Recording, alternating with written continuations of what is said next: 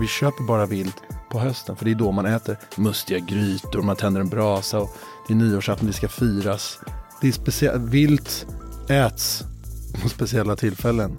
Vilket är intressant. jättekonstigt och Mm, det sant. vill vi också förändra. Ät vilt till vardags, gör tacos på din älgfransyska. Ta en bävermacka på morgonen. ja. Just det här med viltkött är ju att många har ju så förutfattade meningar att när man lagar vilt så ska det vara liksom enbär och det ska vara rosmarin. Alltså det är de klassiska kryddorna som alltid är i vilt och det ska vara någon gelé till eller lingon. Och det, jag får nästan utslag när jag Alltså, bara ty- pratar om det. Jag men tycker det är så vi har- jobbigt. vi har liksom- det finns så vad får annat. du utslag av? Nej men för att det finns så mycket annat man kan göra. Välkommen till Hälsorevolutionen, podden för dig som månar om hälsa, att leva starkt och rikt. Och nu kommer andra delen om viltkött. Vad kan vi vinna på att äta mer vilt? Näringsmässigt, smakmässigt och miljömässigt. Maria Borelius här, biolog och vetenskapsjournalist och faktiskt kokboksförfattare, poddar med dröm. Karina Lundstedt, jag är poddens producent och förläggare till eh, flera böcker. Kokböcker har jag inte gett ut så många. Men, Jo, men Jessica en, Frey. Jessica Frey, ja just det. Det var, det var ett tag sedan. Ja, Ja, det var, det var lite kött i den också, eller ganska mycket av, Ja. av, av allt. Hon är, hon är härlig Jessica. Och sen eh, så ger jag ut en annan, mer hälsokokbok snart ju. Av The Glucose Goddess. Men idag så sitter vi här med två författare och en ny spännande bok som heter I magen på en jägare. Och så säger vi välkomna till yrkesjägaren Lubbe Garell. Välkommen. Tack snälla. Och stjärnkocken Daniel Koe. Åh, tack. Yrkesjägare, alltså det, det råder ju delade meningar om det. Det är egentligen, det är ingen, det är ingen titel, men Jag skulle just fråga dig om det. Berätta, hur är det Nej, då? men det, är- så här, det, mitt yrke är ju att jaga. och, och filma och ta Du är hand ju om. faktiskt fotograf också. Jag är fotograf, Du är fotograf i i grunden. grunden, ja. Yrkesjägare, det är många som säger du är inte alls yrkesjägare, du har ingen utbildning. Eh, och nej, det har jag inte eh, i någonting egentligen. Men eh, yrkesjägare som titel finns inte, det heter viltmästare om man nu ska vara så. Det är mitt försvar. Så yrkesjägare, men mitt yrke är ju eh, att vara jägare. Du jagar 200 dagar om året. Ja, Står det i boken i ja, alla fall? jag vet, jag kanske ljög. Eller, eller minst. Varje Nej, jag gång, skulle varje gång man ska att- ringa dig så Nej, jag svarar skulle du nog inte. säga för att det är minst 200 Ja. dagar. Har du jagat idag? Nej, jag har inte hunnit. Min mamma flyttar så jag hjälper henne med flytten. Du hjälper din mamma. Men du har en bössa i bakluckan. Ja, ja, man vet inte. Ja, och Daniel? Kanske kör på något. Ja, jag jagar också. Mm. Eh, Men jag är inte yrkesjägare, jag är ett annat yrke. Jag driver ju krogar, jag är kock grund och botten. Och älskar restaurang och allt som har med gäster och möten och eh, stämning och mat och dryck och allting att göra. Varför älskar du det? För att det finns ingen större kick eh, som jag kan få eh, än att eh, skapa en, en ny Har du skjutit en älg någon gång? Jo men det har jag gjort faktiskt. Så det är också en, det är en annan typ av kick. Men, men ju- just det här när man, när man skapar från idé, från ett litet frö så skapar man en restaurang och bygger upp allting med Ja, men allting med kontakt med arkitekter till eh, egentligen bestämma bestick, glas, eh, färger, eh, hur ska soffan vara stoppad och ja, allt det här. Till det att man öppnar dörren eh, och man får in de första gästerna som man vet de kommer dit för min skull. Och det, Och alltså, alla, alla kockar är ju, eh, har lite bekräftelsebehov, eh, även jag faktiskt. Så att jag, jag, jag tycker att det är, jag älskar att stå i centrum. När upplevde du den här kicken senast? Nu när han Eh, sitter ja, här nu och får prata och höra sin röst. jag drar på mig de här hörlurarna så jag får verkligen höra den också. Nej, jag, eh, sist var när vi öppnade faktiskt eh, Taverna Brillo. Det. Eh, och det var ju fantastiskt kul, det var några veckor sedan bara. Eh, också en fantastisk upplevelse just mitt på Stureplan att kunna känna det här, det bara kommer in den här stämningen när det är bara knökfullt överallt. Och jag brukar säga att det är lätt att driva krog när det är fullt. Eh, det svårare är när man ska parera liksom för lågkonjunkturer och pandemier och allt vad det nu har varit de senaste åren. Men eh, det är en fantastisk känsla, känsla just när det är så mycket folk och alla är glada. Och då ger man ju så mycket av sig själv och personalen är liksom så här verkligen på tå hela tiden och det, det bara sprudlar av glädje. Det är härligt. Och hur träffades ni? Vi var med i samma jaktklubb faktiskt. Någon, Var det instant love? Ja, Ja, Från min sida, men, ja men alltså så här, jag, jag, vi hamnade bredvid varandra på middag. Du, du var bara sympatisk och schysst. Lite, lite divig och dryg, och det är du fortfarande. Men, eh, Men det var någonting Det här som... är vår jargong. Nej, vi, du, vi har typ inte Det- listat ut det. Ja, oss. Det är kärleksfullt. Ja. Nej men sen så hade jag, en- jag var med i en annan jaktkanal och sen så hoppade jag av och ville starta en egen för att foka mer på maten för jag tycker det är, som, eller det är ju varför vi jagar. Och då kände jag bara att men den här killen är bra. Han är svinduktig på att laga mat, han kan sin grej och eh, så har vi kul ihop. För vi har märkt att vi kunde garva. Och det är viktigt och det gör vi ju. Eh, vi har ju otroligt kul på jobbet. Och ni har nu skrivit den här boken. Ja, Vem har ni skrivit den för eller till? eh, absolut alla skulle jag säga. Folk som vill En förstå- 28-årig vegan i Vasastan, har ni skrivit ja, det för som är henne? intresserad av att förstå. Det finns ju många som hatar oss jägare bara för att hata, tror jag. Nej men alltså okunskap också. Den här boken är nog till precis för alla, även den här 28-åriga veganen eh, på Södermalm. Ofta när det är någonting som kan vara infekterat, lite kontroversiellt och, och eh, tas upp i diskussioner, eller man hatar eller gillar det. Så är det så här att, eh, att det bottnas oftast i att man kanske inte vet så mycket. Jag var ju en, en jaktmotståndare och tyckte att alla jägare var skjutglada hillbillies. Fram tills dess att jag verkligen började förstå. Jag kom ju in i jakten på grund av maten. Eh, jag hade en, en vän till mig som var jägare och eh, kom med ett, eh, en kronhjort till mig. Det öppnar upp ögonen för natur. Jag har alltid älskat natur och har varit mycket ute liksom, plocka svamp och hela den här biten. Men aldrig jakten. Men just det här när köttet kom och det var så fantastiskt. Och det var så gott och det var så mycket man kunde göra på det. Så väckte, väcktes ett intresse. Och jag tog jägarexamen och började förstå, var med på jakter. Jag hade turen faktiskt att, eh, att eh, speciellt i början få vara med på jakter med extremt fina människor. Alltså duktiga eh, naturvårdare skulle jag vilja säga mer än jägare. Vilket också gjorde att jag blev eh, ja, frälst i hela den upplevelsen och, och förstod också vad, vad jägare gör. Att det, det är inte bara dödandet utan det är faktiskt ett viltvårdande eh, i allra högsta grad. Och det vill vi också förmedla, att vi, vi gör Mm. Det gör detta i för boken. maten. Och så här förklarar vi hur jakt går till, på vilka olika sätt, vilka olika viltarter man jagar i Sverige. Och det finns även beskrivningar om de viltarterna, var de härstammar ifrån och latinska namn och hur hornen och klövarna eller fot- spåren ser ut. Så att vi vill berätta om varför man jagar och hur det går till. Mm. Samt det viktiga då, hur man tar vara på viltet efter man har skjutit det. Mm. För det är otroligt många som inte kan det. Nej, det är verkligen skjuter- en hel kedja Ja, ja, man. Mm. skjuter och så är det över, så är det någon annan som fixar det. Eh, men det är viktigt att visa att så här gör man och så här tillagar man det fantastiska köttet. He- Hela kedjan.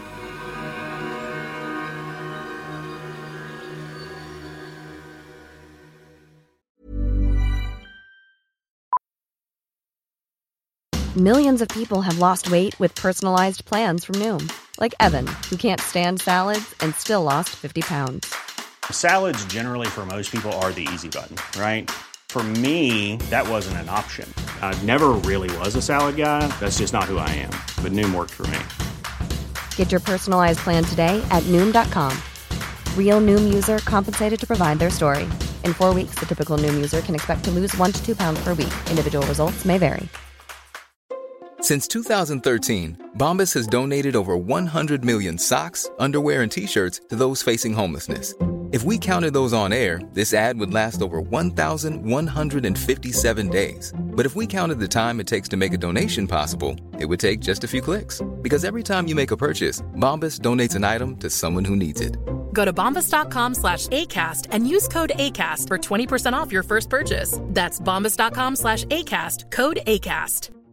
I'm Sandra, and I'm just the professional your small business was looking for. But you didn't hire me because you didn't use LinkedIn jobs. LinkedIn has professionals you can't find anywhere else, including those who aren't actively looking for a new job but might be open to the perfect role, like me. In a given month, over 70% of LinkedIn users don't visit other leading job sites. So if you're not looking on LinkedIn, you'll miss out on great candidates like Sandra. Start hiring professionals like a professional. Post your free job on linkedin.com/people today. Vi fortsätter vårt roliga betalda samarbete med Bosch. De har precis kommit ut med sin nya köksmaskin, serie 6, som har fått en naturlig plats i mitt kök. Att baka gör mig lugn. Jag har länge tänkt att jag vill baka oftare. Och nu har det blivit mycket enklare tack vare serie 6 med sina smarta sensorprogram. Och den här gången valde jag ett recept ur din kokbok, Maria. Vad glad jag blir. Berätta, vad valde du? Jo, men jag ska baka din mormors härliga recept på Earl Grey-kex. Som då kommer från Hälsorevolutionen, kokboken. Och för det här receptet så rekommenderar du just en köksmaskin eftersom det är ganska många ingredienser. Så därför har jag dragit mig för att eh, baka de här. Det har känts lite knepigt och svårt eftersom jag inte haft någon egen köksmaskin tidigare. Och så här lät det.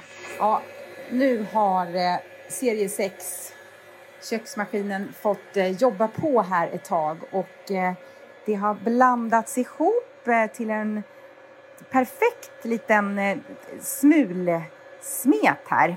De innehåller havregryn, smör, bovetemjöl, bakpulver, havssalt, eh, citronzest, ingefära, blötlagda Earl Grey-teblad och sen kallt Earl Grey-te och honung och till sist kakaonibs. Ja, ni fattar, det här kommer bli så himla gott. Ja, men det här är så kul och min mormor hade ju tyckt det här var fantastiskt. Hon var ju, alla de här ingredienserna och det här med, med ett litet bra kex och en kopp te.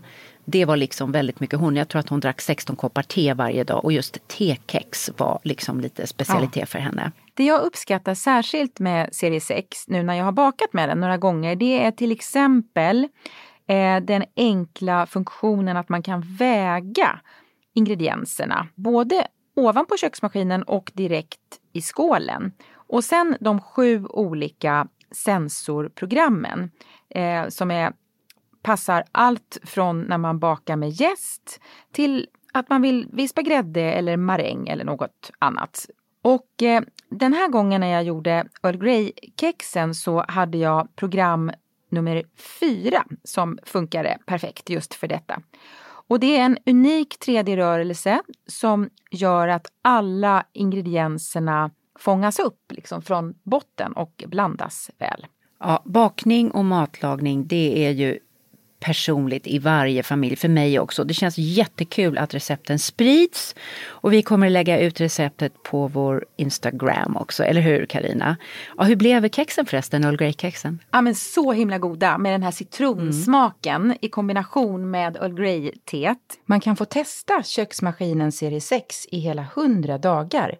Den finns redan nu att köpa hos Power och där kan man även få mer info om köksmaskinen. Lycka till!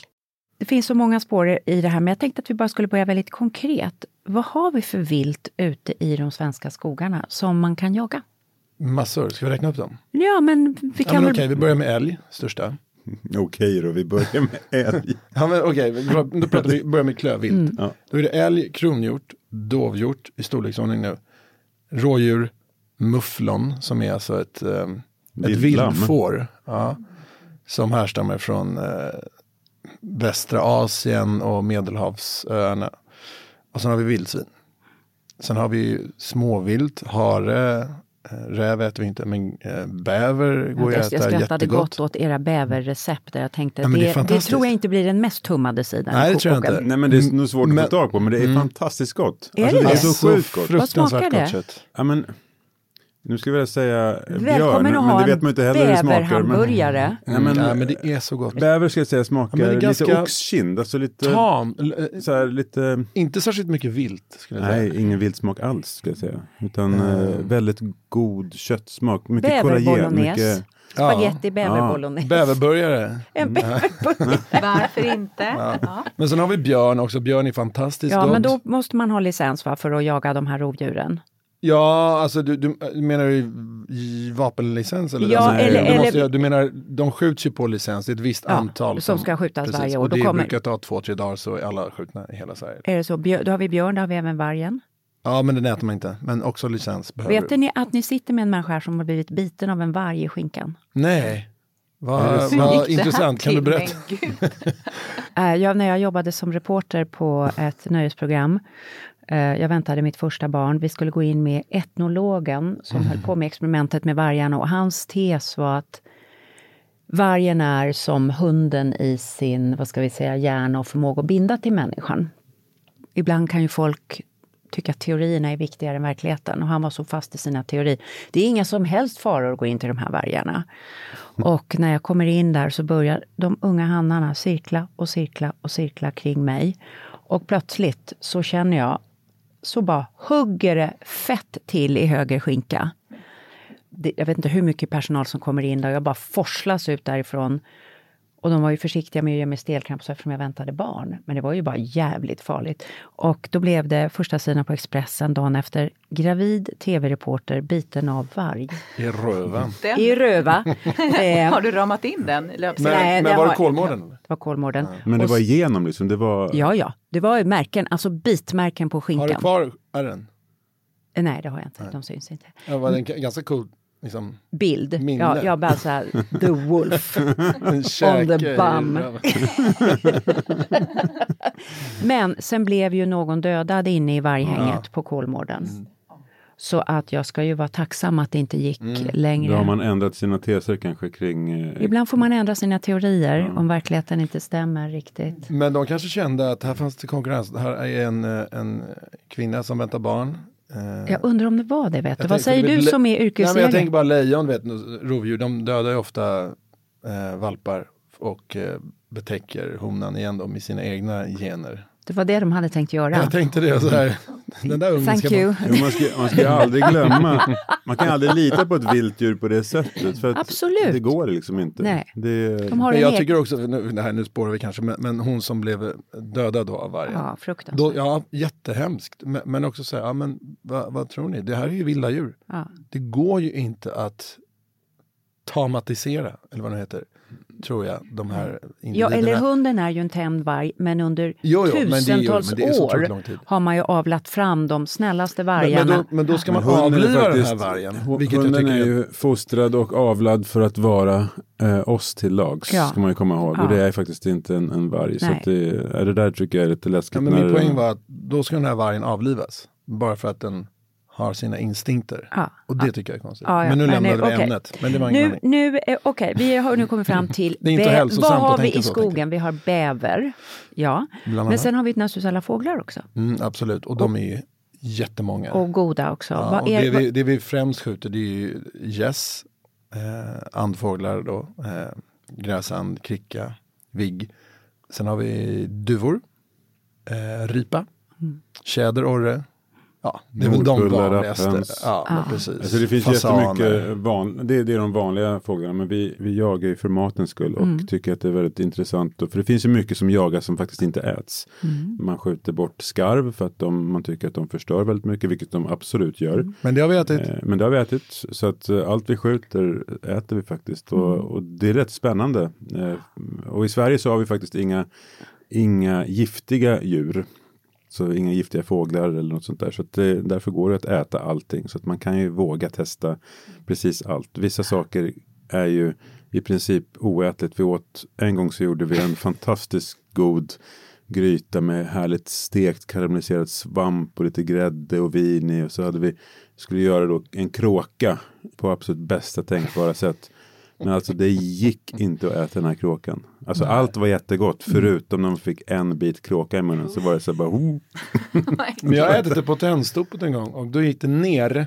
Det var inte, det var inte så att jag bad om backning. Jag men tror att gick den här ner. kråkan kanske var lite äldre. Man ska äta vårkråkor med lite yngre kråkor. en seg kråka. Ja, som Ja, kom från Tyresö en- centrum hade käkat spyor dagen innan. Ja, ja, men det var ungefär så, så den smakade. Ja, det var så. Nej, det var riktigt. centrum. Men de marinerade i 24 timmar i vin och allt. Ja. Så att jag hade verkligen ja, men satsat allt på att göra den här riktigt, riktigt bra. Sen testade vi också säl. Har vi provat på att tillaga. Och det gjorde jag på alla möjliga tänkbara sätt också. Jag försökte marinera sönder den i, liksom, i, i soja och ingefära. Det, det bryter ju ner fibrerna. Bara för att få det liksom, eh, ja, men, mört och härligt. Gick ju inte heller. Ingenting blev gott. men så farligt var det inte så här. Ja, jag klarar inte av det. Men, men, Men det var också en gammal Det var en säl. gammal Du skulle säl. käkat en kute. Ja, Ja, ja. Alltså, och det är det de- man gör Mm. har jag förstått nu senare. Att man, man äter inte de gamla, men det är synd. Vad ska man göra med dem då? Ja. Det går en tv-serie nu som folk pratar om väldigt mycket som handlar om historien om Sverige. Mm. Jag har bara sett det första avsnittet som handlar om hur Sverige befolkades överhuvudtaget. Och då Mm. är det just jägare som kommer till Sverige och de kommer från norra Tyskland och de, eh, eller det som idag är Tyskland, och följer inlandsisen för är det 10, 12, 14 000 år sedan som håller på att dra sig tillbaka. Och då är- finns alla de här vilda djuren i kanten av inlandsisen. Så de första invånarna i Sverige var just jägare. Va- Varför, Lubbe, varför är det så mycket djur i kanten av inlandsisen? Det där var spännande tycker jag. Intressant. Jag kan ju tänka mig att det kanske är massor av mineraler och salter i smältvattnet. Eh, och att det kanske spirar upp nya grödor. Eh, Och som djuren följer det. äntligen får se dagens ljus. Mm. Eh, mycket lättuggat, friskt, gott. Alltså, djuren, djuren följer ju födan och, och jägare och samlare på den tiden följer ju djuren. Så Mm. de, de visste ju var födan fanns, för där fanns djuren. Eh, jag är ingen historiker av något Nej, nej, slag. men om- om det- jag kan pratar med dig som tänka mig, jägare, Alltså, så det måste ju ha funnits föda. Mm, det var helt enkelt det det berodde på. Eh, absolut. Men du, du skriver i boken, jag är född 2000 år, om inte 10 000 år för sent. Ja, jag, borde ha, jag skulle ha trivts vid kanten där på inlandsisen. Det, är- det är din naturliga. Och när du säger så, vad menar du då? Nej, men jag, jag, jag, ibland känner jag, det låter lite klyschigt kanske, men ibland känner jag att jag vill, jag vill ba- bara bo i skogen och alltså det hade varit skönt att leva på den tiden, bo i en grotta och inte ha något annat att tänka på än att överleva för dagen. Lite så, lite romantiskt. Jag skulle ju aldrig byta bort det mot det jag har idag. Men det är en romantisk dröm och, och Vad är det du får där ute då som... Ja men bara du är ett med naturen. Det är, alltså, det är bara du, eh, kanske dina jägar-samlarkompisar. Samla in mat. Jag får kickar av att plocka blåbär. Nej, inte riktigt. Men svamp. Lika mycket som att skjuta ett djur. Samla på sig, bygga förråd, äta. Vad är det för känsla det skapar i dig? Överlevnaden. Alltså. Provida sin familj. Jag, jag kan eh, bara ta stämma hem. in. Ja. Eh, Vi, vi åker på jakt rätt ofta och ibland så åker vi lite längre bort och då är vi borta flera dagar. Den här människan han kan ju vara kvar liksom i två veckor till efter att vi har varit där en vecka. Jag får ju panik efter tre dagar. Jag måste liksom ner till allt som händer här i stan på något sätt. Och det är inte för att jag inte gillar att vara i skogen men han gillar det väldigt mycket mer. Så att han, han, Ja, han kan vill, verkligen bara stanna. Inte ge, jag, vill inte, jag vill inte ge upp. Jag vill vara ute tills det är kolsvart, inte- tills du inte ser längre. Från alla, utnyttja alla dygnets ljusa timmar till att fånga jag, du vet, jag byggde ju fällor när jag var liten. Jag byggde slangbällor och ville bara liksom döda djur för att ta hem och äta upp. Helt Mm. Så enkelt. du är, du är kanske en Nej, men lite av en caveman liksom. arketypisk, ja ja, just det, en caveman, en, en, en sån. Och, Tri, det är så otroligt härligt. Mm. Eh, ja, det är svårt förklara. Det låter så jävla klyschigt nej, när nej, man men säger vet det. du vad, men det som jag, tycker är intressant, tycker vi pratar om det, att några av de som jag känner som kan, alltså folk pratar mycket om miljön, men de som Mm. verkligen kan något om naturen, som jag känner, Mm. det är faktiskt de som jagar. De kan mer om naturen än många som kallar sig så att säga miljövänner. och varför det är så, det vet jag inte riktigt, men det kanske är att man är van att sitta och titta på naturen väldigt länge och tolka naturen. Ja, eller? mång, mång, eller de flesta jägare är ju intresserade av naturen och djurlivet. Mm. Och då suger man väl upp ett och annat. Det är vi, vi jägare får ju ofta kritik av okunniga, att vi är mördare som hatar djur. Jag skulle säga att jägare är nog de största djurvänner som existerar. Men det är en Många paradox att ändå, man är den största Jo, djuren absolut, och ändå... men det är inte så att vi hatar djur bara för att vi äter upp dem. Mm. Alltså, det är ju föda.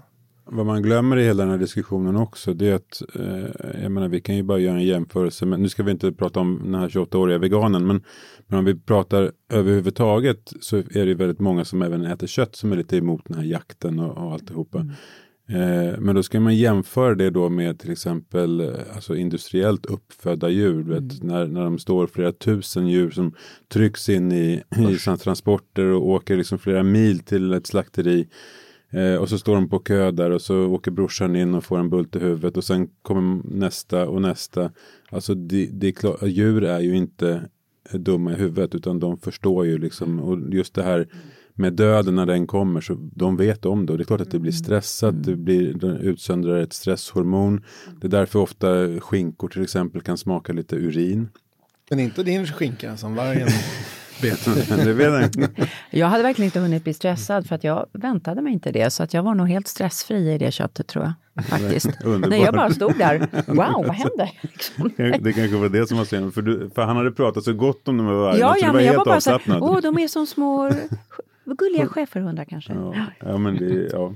Nej men det jag vill säga är ju liksom det här att ett djur som vi jagar och vi älskar ju pyrschen. Pyrschen det är den här smygjakten när man bara går med en bössa på ryggen och så promenerar man och smyger och så ser man något djur som man smyger sig på. De vet ju inte ens att vi är där. Eh, och så lägger man sig ner och så tar man ett sånt här riktigt perfekt skott. Eh, och så lägger sig här djuret direkt knall och fall, dör, vi tar ut det, tar med det till slaktboden. Det här djuret har inte ens vetat om någonting. Det dör liksom på en millisekund. Helt ovetande om någonting. Det har levt det bästa livet det någonsin kan få. Ända fram till slutet.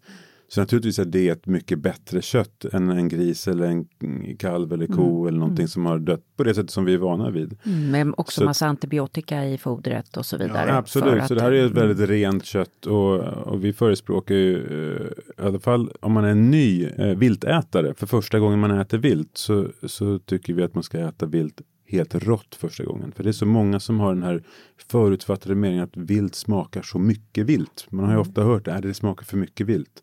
Men det är ju egentligen bara på grund av att man tillagar köttet fel. Alltså man tillagar det för mycket. Och prova att tillaga liksom en kalv eller en ko eller en gris för mycket. Så smakar det också annorlunda än om man eh, tillagar det på ett perfekt sätt. Så att det är det här, man vill ju få fram den bästa smaken i allt kött som man tillverkar eller som man tillagar. Och just vilt är ju så här att, att få den här råa, eh, göra en liten carpaccio, kanske bara lite olivolja, saltpeppar. Så får man den här rena, lite mineraliteten i köttet och den korta lilla sötman som också ligger med. Det är ett fantastiskt kött och det smakar verkligen rent. När man har ätit det så känns det så här, wow, det är det här kött är. Vi konstaterade just det att vi mår bra båda två av viltkött. Mm. Så det är man, på den här gut-feelingen. Men det är intressant då med, om vi bara tittar lite på er kokbok. Många av era recept är ju vad man ska kalla vanlig husmanskost numera. Så det är köttbullar, spaghetti bolognese, hamburgare men gjord med älg eller rådjur till exempel. Hur blir en spaghetti bolognese eller en köttbulle eller en hamburgare annorlunda när man använder just viltkött? Vad vi vill visa Mm. egentligen i boken det är, det är det att alltså det är väldigt lätt att göra en kokbok eller göra kokboksbilder och recept liksom som är superhäftiga och oftast blir det lite svårt. Man ska försöka liksom klura fram det femte hjulet varje gång man gör en kokbok. Jag har gjort några stycken och, eh, och det är lätt att hamna i den, den eh, follan på något sätt. Här vill vi göra en bok med recept som faktiskt folk känner igen. Så det är alltid från pizza till ja, köttbullar, schnitzel. Mm. Men sånt lite mer fancy grejer också. Det är lite Ja carpaccios men det är lite och lite blandat. som... Ja. Ja. men det är fortfarande saker som folk känner. Det är ingen hit på mat utan det är ändå rätter som vi har gjort eh, en travestering på med vilt då. Och, och just det, det vilda i det här. Jag menar köttfärssås till exempel eller köttbullar. Det behöver ju inte smaka så mycket vilt men däremot så får man väldigt mycket som ni var inne på också en renare mat. Man mår, man mår bra efter att ha ätit det för att det är rent. Till exempel så kan jag ju ta ett, eh, hur, man kan uppleva ett uppfött kött som, som kanske inte är eh, uppfött på det absolut bästa sättet. Då får man oftast en så här järnig smak. Eh, eftersmaken kan bli väldigt järnig. Och det är på grund av att den har fått i sig saker. Dels kan det vara kraftfoder men det kan också vara liksom mediciner och antibiotika och allt möjligt. Eh, som, som vi egentligen har godkänt i vår värld. Eh, och tycker att det är helt okej att vi trycker i våra djur för att de inte ska bli sjuka. Men allting handlar ju om pengar naturligtvis. Så att man vill inte att djuren ska bli sjuka så man ska nödslakta. Så att allting för att sälja så mycket kött som möjligt. Men så komma ihåg det där att, att ett rent kött smakar inte järn. Eh, utan det ska vara mineralton, det ska finnas en sötma i köttet. Men det ska också upplevas liksom att, som ett kött utan smak. Så du ska behöva leta efter smak. Då är det ett bra kött. Måste man ha speciella viltrecept som ni har Nej, gjort? absolut Eller kan man ta sin gamla vanliga rutiga kokbok, jag vet inte ens vad den heter, den här slitna, och ta vilket recept som helst och bara byta nötkött Ja, det är väldigt, mot må- vi får älg? väldigt många frågor eh, när Ja. vi lägger ut recept eller eh, bilder eller avsnitt. Så funkar det här lika bra med älgkött? Ja. Ja, absolut. Eller nötkött. Eller, eller nötkött Ja, eller ja, lamm. så man det kan- gör det ju absolut. Men- Men det blir olika smak på fär, den färdiga Precis, produkten. Det ja. är det som är Mm. skillnaden. Alltså just det här med viltkött är att många har ju så förutfattade meningar att när man lagar vilt så ska det vara liksom enbär och det ska vara rosmarin. Alltså det är de klassiska kryddorna som alltid är i vilt och det ska vara någon gelé till eller lingon. Och det, jag får nästan utslag när jag alltså, bara pratar om det. Det är så vi jobbigt. har- vi har liksom- det finns så Va, va, mycket varför får du utslag av... Nej men för att det finns så mycket annat man kan göra. det, Ja, men Mängder av saker går att göra eh, med vilt. Och, du får utslag för att du tycker det är för konventionellt tänkande? ja, är men det det så är du så menar? Smalt. Men vi, Alltså, har, vi har inget, vi har inget, vi har ingen viltkultur i Sverige. På landet äter man mycket mer vilt än Ja. i storstäderna. Ja. Men det finns inget vilttänk. Jag försökte sälja i, eh, kött till ICA här ute i Nacka. Ja. Eh, tjena tjena, jag heter Lubbe, vill ni köpa hjortkött från den här gården? Nej, nej absolut inte. Eh, du får ringa i höst igen. Ja. Och- och- Okej, och va- Är det varför då? handlarna som är fantasilösa? Nej, eller? men då, nej, då är det inte säsong för viltkött på våren. Jag bara, men vänta nu, vi äter ju, vi äter ju gris, nöt och Ja. lamm, kyckling. Va- Vi äter ju kött, varför kan vi inte äta vilt på våren? Nej, men det är ingen som köper. Tänket är alltså, som Daniel säger, det är enbär, det är rosmarin, allt det här. Tänket är även likadant att vi, vi köper bara vilt på hösten, för det är då man äter mustiga grytor, man tänder en brasa och det är nyårsafton, det ska firas. Det är specie- vilt äts på speciella tillfällen. Vilket är jättekonstigt. Och Mm, det exakt. vill vi också förändra. Ät vilt till vardags. Gör tacos på din älgfransyska. Ta en bävermacka på morgonen. ja. Ja men i sallader, goda sallader whatever. med, med viltkött eller eh, Alltså det finns så mycket saker att göra, asiatisk mat, gör en wok, gör en, Mm. alltså det finns mängder av saker, byt ut, Tänk, man ska aldrig tänka vilt, man ska tänka Kött. kött och en god maträtt. Vad är jag sugen på? Högkvalitetskött. Ja. Ja. Men om man nu är en människa som lyssnar till det här och känner det här är spännande och man är själv inte någon som jagar och man, Då ringer man mig. Då ringer man dig. Ja. Ja, men du är ju i skogen och är caveman. ja. Då får man inte ens tag i dig. Men jag har frysar. Du har frysar. I skogen. Så var hittar man, eh, var, var, för att det är ju jäkla komplicerat i Sverige med Ja, men licenser och precis, så. där, och där har vi problemet. Jag menar, vill du köpa en kronhjortsfilé på Östermalmshallen då kostar den 1300 kronor kilot och det går ju inte. Nej. Utbudet i matvaruhandeln av vilt är jättelitet om det ens existerar. Mm. Däremot ska vi ha ekologiska jättediskar med frukt och grönt och vare sig de är från Nicaragua eller, eller Där kan vi importera bönor från Kenya hur långt ja, ja, som Då helst. är det inga problem. Ja. Där finns det jättemycket ur, urval. Men viltköttet från Sverige, om det nu ens är från Sverige, mycket är från Nya Zeeland, så är det knappt befintligt. I, förutom de välsorterade Mm. Så butikerna. vad, om, man, om man nu bor någonstans, vad ska man göra? Ska man försöka leta rätt på en kompis som jagar eller vad råder ni någon att göra? Ja, men det är svårt. Det finns, liksom, det finns ju massa hemsidor. Alltså, du Går kan man och söka på pratar med sin lokala handlare Ja, men det och finns säger, ju gå- gårdar överallt i Gårdar. Sverige som säljer. Mm. Eh, eh, Alla butiker har faktiskt tillgång till att köpa viltkött. ja. Eh, Så man att- kan gå och snacka med sin handlare och säga du, Absolut. jag, jag vill 100%. ha lite bäver i hyllorna.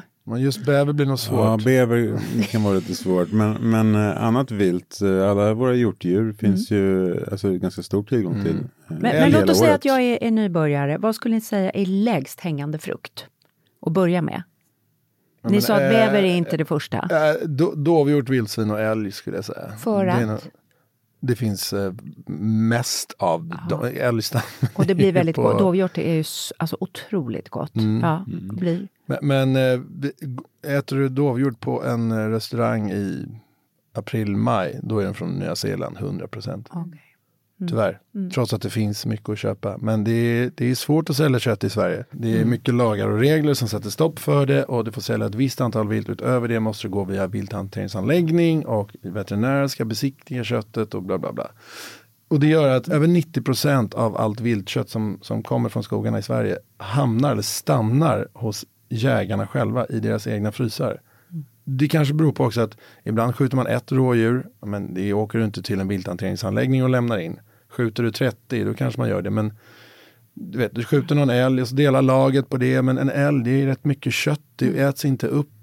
Köttet kommer liksom inte ut i butikerna. Det, För det, det blir- pro- ja. problematiskt, tyvärr. Så att, Fi- Finns det någon, eh, du pratar om vilthanteringsanläggningen, finns det någon, vad man kan säga fördelen med så att säga, butiksköttet idag, det är ju ändå att det är kontrollerat och lyder under ett antal lagar. Mm. Och det vilda köttet Finns det någonting man ska se upp med? Kan Nej, det komma med här, någon alltså, sjukdom? jag, eller? jag tycker att tusen hjortar och kanske upptäckt att en eller två har varit sjuka. Mm. Men de som är sjuka, de är utmärglade, du märker det tydligt och, och kasserade köttet. Mm. Men jag har aldrig hört talas om att någon blir sjuk av att äta dovhjort eller älg eller mufflon eller kronhjort. Mm. Vildsvin och björn måste trikintestas för de äter as. Mm. Vilket gör att de får i sig trikiner. Kan få i sig trikiner. Det är otroligt sällsynt i Sverige. Men eh, i övrigt så liksom, finns det ingen. Jag får, jag får, är små maskar ska ja, vi men säga. jag får sälja en, eh, en dovhjort till Daniels restaurang utan att den är kontrollerad. Eller jag, jag har en, en utbildning en, som heter viltundersökare. Så jag kan eh, se på organen om det är, om det är ett sjukt djur eller inte. Och säljer det till Daniel som han får sälja till sina eh, gäster. Och han får ju jaga, skjuta djur, sälja det på sin krog utan att det kontrolleras. Men sen är det ju också det som är vår vision, att prata mycket om just vilt för att vi vill få ut det mer i butikerna. Mm. Eh, eller främst egentligen för att få ut det till gemene man så att alla har tillgång till det. För att vi har väldigt mycket vilt i Sverige, jättemycket. Jag är uppvuxen utanför Växjö i eh, Jämla i skogen i Småland. Och där jagades det ju. Och min mamma var väldigt, var väldigt, väldigt mycket grönsaker, hon odlade och sådär. Men i frysen så hade vi älgkött, mycket minns jag. Hon var lite så här gröna vågare som det hette på 70-talet. Och då, redan då ansågs ju ändå älgkött och annat vilt vara hälsosamt. Så det passade liksom in i den där gröna livsstilen. Men ute på landsbygden och alltså utanför storstäderna så har ju vilt eh, alltid funnits med. Ja. Alltså en positiv grej är att då använder man verkligen allt på hela djuret. Och det är det vi också försöker prata lite grann om. Men, men det man gjorde också väldigt mycket förr, det var ju de här klassiska lite ja, men husmanskostrecepten som ni var inne på. Alltså lite tyngre mat, det var oftast liksom en stek som man kanske ibland glömde i ugnen och så blev den torr. Och så blev det liksom vilt där alltid torrt och så fick man göra en ganska fet gräddsås till och så behövde man någon sötma och det blev lingon eller någon gelé. Bara för att balansera upp där för att det skulle ändå bli lite, lite saftigt i munnen efter den här torra steken som har legat. Och vilt kött är ju magert och det är därför som det också blir ganska torrt när man steker det för länge. Men eh, nu lever vi liksom 2023 och eh, tycker vi har eh, moderniserat allt egentligen runt omkring oss, både vad gäller liksom mat och dryck. Så att idag så ska vi faktiskt kunna göra alltså riktigt härliga rätter även hemma liksom i, i hushållen. För det, idag finns det en, en kunskap och det finns ett intresse för mat på ett helt annat sätt än vad det kanske fanns för 50 år sedan eller 40 år sedan. Eh, och jag minns ju också, jag kan ju säga när, innan jag öppnade min första krog när jag var 21 det som var då det finaste, det var liksom, då gick man på Operakällaren och då var det ju, det kan vara rådjursmedaljonger med en brunsås och lingon till. Det var liksom the shit som man kunde äta på den tiden liksom. Och det var inte jättelänge sedan. Eh, så att, alltså det har ju hänt väldigt mycket de senaste typ, ja, 25-30 år. Vi föreläste eh, för några månader sedan nere i Växjö och då var det en, en man i publiken som sa att kött och potatis ska alltid vara gratis. Och alla bara, ja det har jag också hört. Du vet, all, alla inom situationstecken på landet är uppväxta med, Kött och potatis. ja men alltså där är, där är vilt. Eh, Man odlar sin potatis och jagar På ett helt själv. ja. annat sätt Det är som där. Ja, ja, ja, så, så, så var det ju.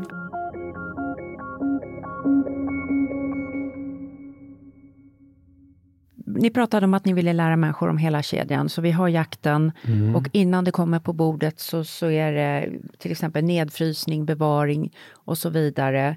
Hur ska man bevara, om man nu har en kompis som är jägare och man får några påsar, hur ska man bevara det här så att det är så fräscht som möjligt? Och när ska man tina upp Ja, du det? ska och ju frysa ner det. Det ska ju Mm. hållas i frysen om det nu är färdigpaketerat och, och eh, mörat. Hur, ska hur länge kan det hålla där då? Men vilt, det är inte så, det är ganska magert viltkött. Mm. Så att, men, men jag har ju ätit eh, kött som är säkert fyra år gammalt utan att det är något problem. De kan ha lite frysskador, det kan du bara skära bort.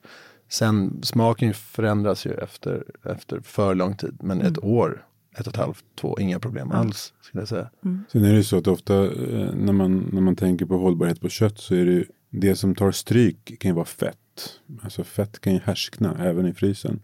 Eh, och med tanke på att eh, vilt är ju väldigt magert så, så tål det ganska länge i frysen. Då tänkte jag fråga, vilka är era favoritrecept i boken? Berätta om dem. Men vi, vi är nog båda lite handfallna för tataki, den gillar vi. Mm. Jag gillar ju rått kött, så allt som är rått där i. Sen har vi en, eh, en, en eh, kalvbrässrätt som är Mm, helt fantastisk. eh, dovkalv, bräss. Men sen, sen jag, jag gillar ju också såna här lite mer långkok. Så jag, jag gillar de här rullarna jag har gjort. Jag har gjort en porchetta på vildsvin som jag, alltså, Mm. Ja, den är allt i boken, alltså. alla bilder i boken, inget är hokus pokus eller fuskat. Så att alla, alltså jag stod och lagade mat i fyra veckor. eh, och, det Och var jag åt det. Ja, och han åt det och jag smakade. Men, men eh, så att allting är verkligen gott. Och det är lika gott som det faktiskt ser ut. Och jag, jag, jag har en, alltså ibland så, det kanske inte alla vet, men ibland när man gör kokböcker så kan man ju också fuska sig till bara för att man ska få, ett, eh, få en snygg bild. Men jag är av den åsikten att god mat ser god ut och äcklig mat ser man att det kanske inte är riktig mat. Så att jag, allt, allting är verkligen gjort. Och just den här porkettan och så gjorde vi en, en rulle också på dovhjortsbringa. Eh, bringa, som också var helt makalös. Eh, alltså det blir sån smak. Man får alla de här liksom ja, med hinnorna och lite av fettet och så mycket kryddor i den också. Eh, Det blir väldigt, väldigt gott. Och slutligen, vad hoppas ni då att den här boken ska bidra till? Mer kunskap om vad jakten innebär och att folk ska ta till sig det vilda köttet och, och börja tänka mer att eh, men vi äter vilt till vardags än bara nyår eller pappas födelsedag. Vilt ska bli svennigt, vi ska bli svennemat. Men det kan också bli fin mat. Men det är Absolut, som men, men, annat vi vill som att det ska, det ska bli vardagsmat. Men vi kan säga att boken är ju, eh, om vi nu pratar begreppet eh, jaktkokbok eller viltkokbok, så är ju det en, en ganska jobbig grej som vi insåg eh, rätt tidigt, att alla jaktböcker egentligen sedan 1800-talet har i princip nästan haft samma form och eh, det var, har varit de här stilleberna med ett mörkt sammetstyg i bakgrunden och det är en bössa och så är det en kanin eller en eh, fasan som hänger och ja men du vet de här murriga Renässans. renässansbilderna liksom.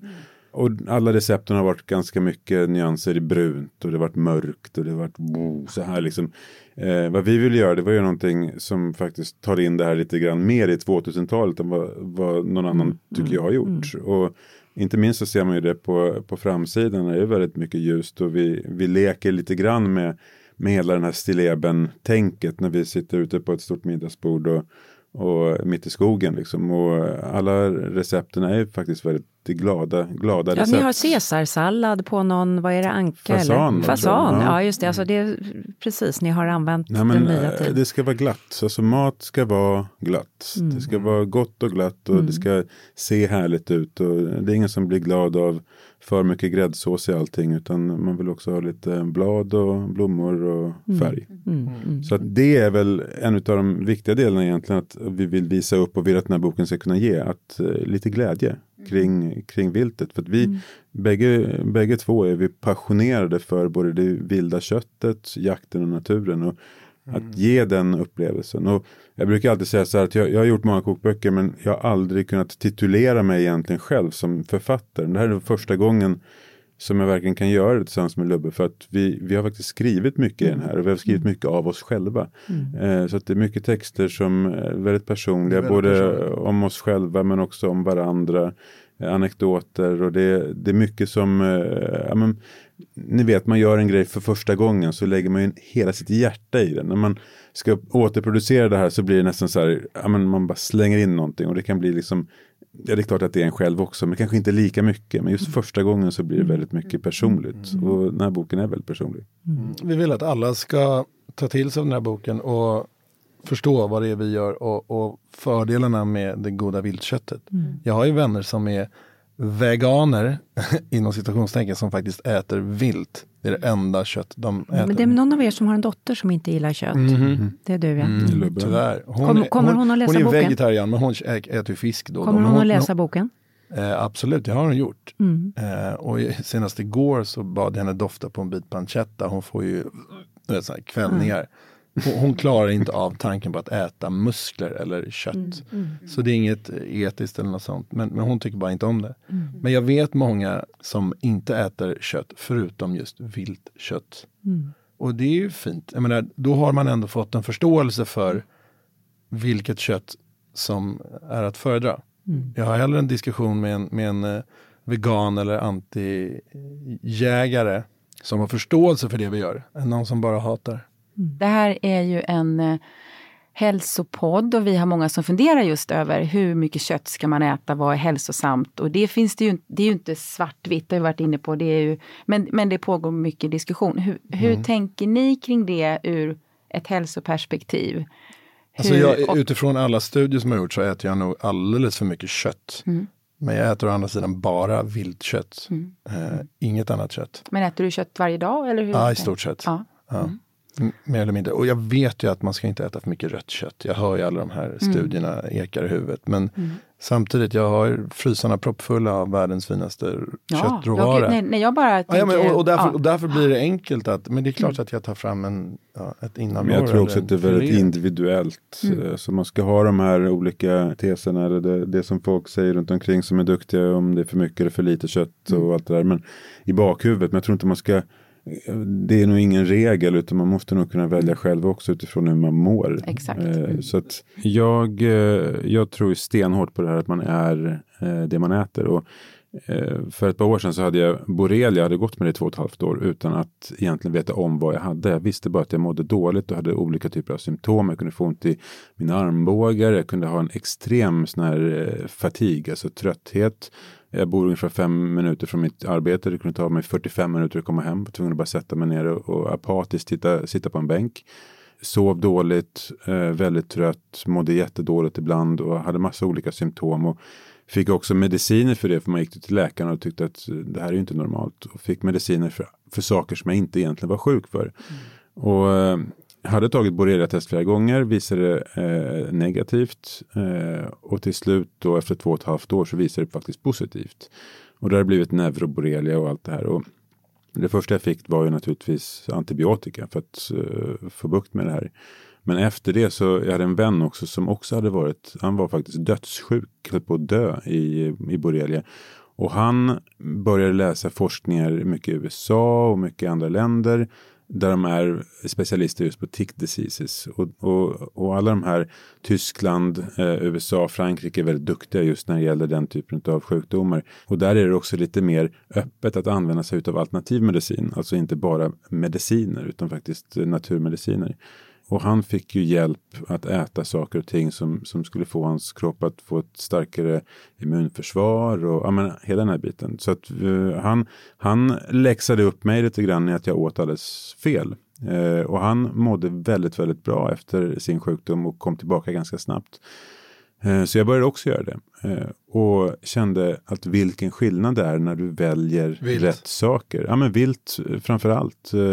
Jag åt inget eh, processat kött eh, eller fisk överhuvudtaget. Utan, eh, och jag åt eh, bara uppfött kött som var ja, men från gårdar som man kände till och visste att det inte fanns något annat foder än det som man tyckte var, var bra eh, och naturligt. Eh, och naturligtvis också mycket vilt och bara ekologiskt odlade grönsaker. Vilket gör att helt plötsligt så, så känner man sig väldigt ren.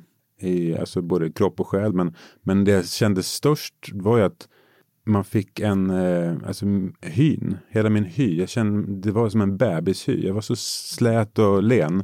Inte längre kanske. Men, men, men då. Och det gör väldigt stor skillnad på vad man äter. Och därför tror jag stenhårt. Och det är bevisligen så är det så. Man är det man äter. Och även idag, men idag så är jag kanske lite mer slapphänt eh, med tanke på att man lever ett otroligt ostrukturerat liv och eh, det är upp och ner med, med krogar och jobb och eh, or- oregelbundet. Men, men man har alltid i bakhuvudet och jag tror att det är väldigt viktigt att hela tiden tänka på vad man stoppar i sig. Och det, det är ju också därför som, som vi har en väldigt stor kärlek just till både natur och, och det vilda köttet. Sen är det också så att viltkött är ju mycket nyttigare. Inte bara det att det är fritt från antibiotika och annan skit, utan det innehåller ju mycket mer selen, zink, järn. Alltså det är ju ett nyttigare kött. Det är ett väldigt nyttigt kött. Fettprofilen är bättre. Ja, Till absolut. exempel. absolut. Jag är aldrig sjuk, för jag äter bara vilt. Tack för att vi fick komma hit. det var allt jag hade. Vi är så tacksamma för alla som vill komma till oss och, och dela med sig och till dig som lyssnar. Tack för att du lyssnar till oss och var rädd om dig. Vi hörs snart igen. Varmt tack för att ni kom hit. Tack Tack snälla. snälla. Tack. Jätteroligt att få besöka er.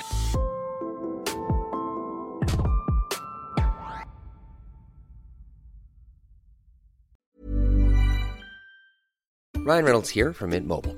With the price of just about everything going up during inflation, we thought we'd bring our prices down. So to help us, we brought in a reverse auctioneer, which is apparently a thing. Mint Mobile unlimited premium wireless. Ready to get 30, 30, bit to get 30, bit to get 20, 20, 20, bit to get 20, 20, bit to get 15, 15, 15, 15 just 15 bucks a month. So, Give it a try at mintmobile.com slash switch. $45 upfront for three months plus taxes and fees. Promo for new customers for limited time. Unlimited more than 40 gigabytes per month. Slows. Full terms at mintmobile.com. Ever catch yourself eating the same flavorless dinner three days in a row? Dreaming of something better? Well, HelloFresh is your guilt-free dream come true, baby. It's me, Kiki Palmer. Let's wake up those taste buds with hot, juicy pecan-crusted chicken or garlic butter shrimp scampi. Mm. Hello Fresh. Stop dreaming of all the delicious possibilities and dig in at HelloFresh.com. Let's get this dinner party started. Millions of people have lost weight with personalized plans from Noom, like Evan, who can't stand salads and still lost 50 pounds. salads, generally, for most people, are the easy button, right? For me, that wasn't an option. I never really was a salad guy. That's just not who I am. But Noom worked for me. Get your personalized plan today at Noom.com. Real Noom user compensated to provide their story. In four weeks, the typical Noom user can expect to lose one to two pounds per week. Individual results may vary.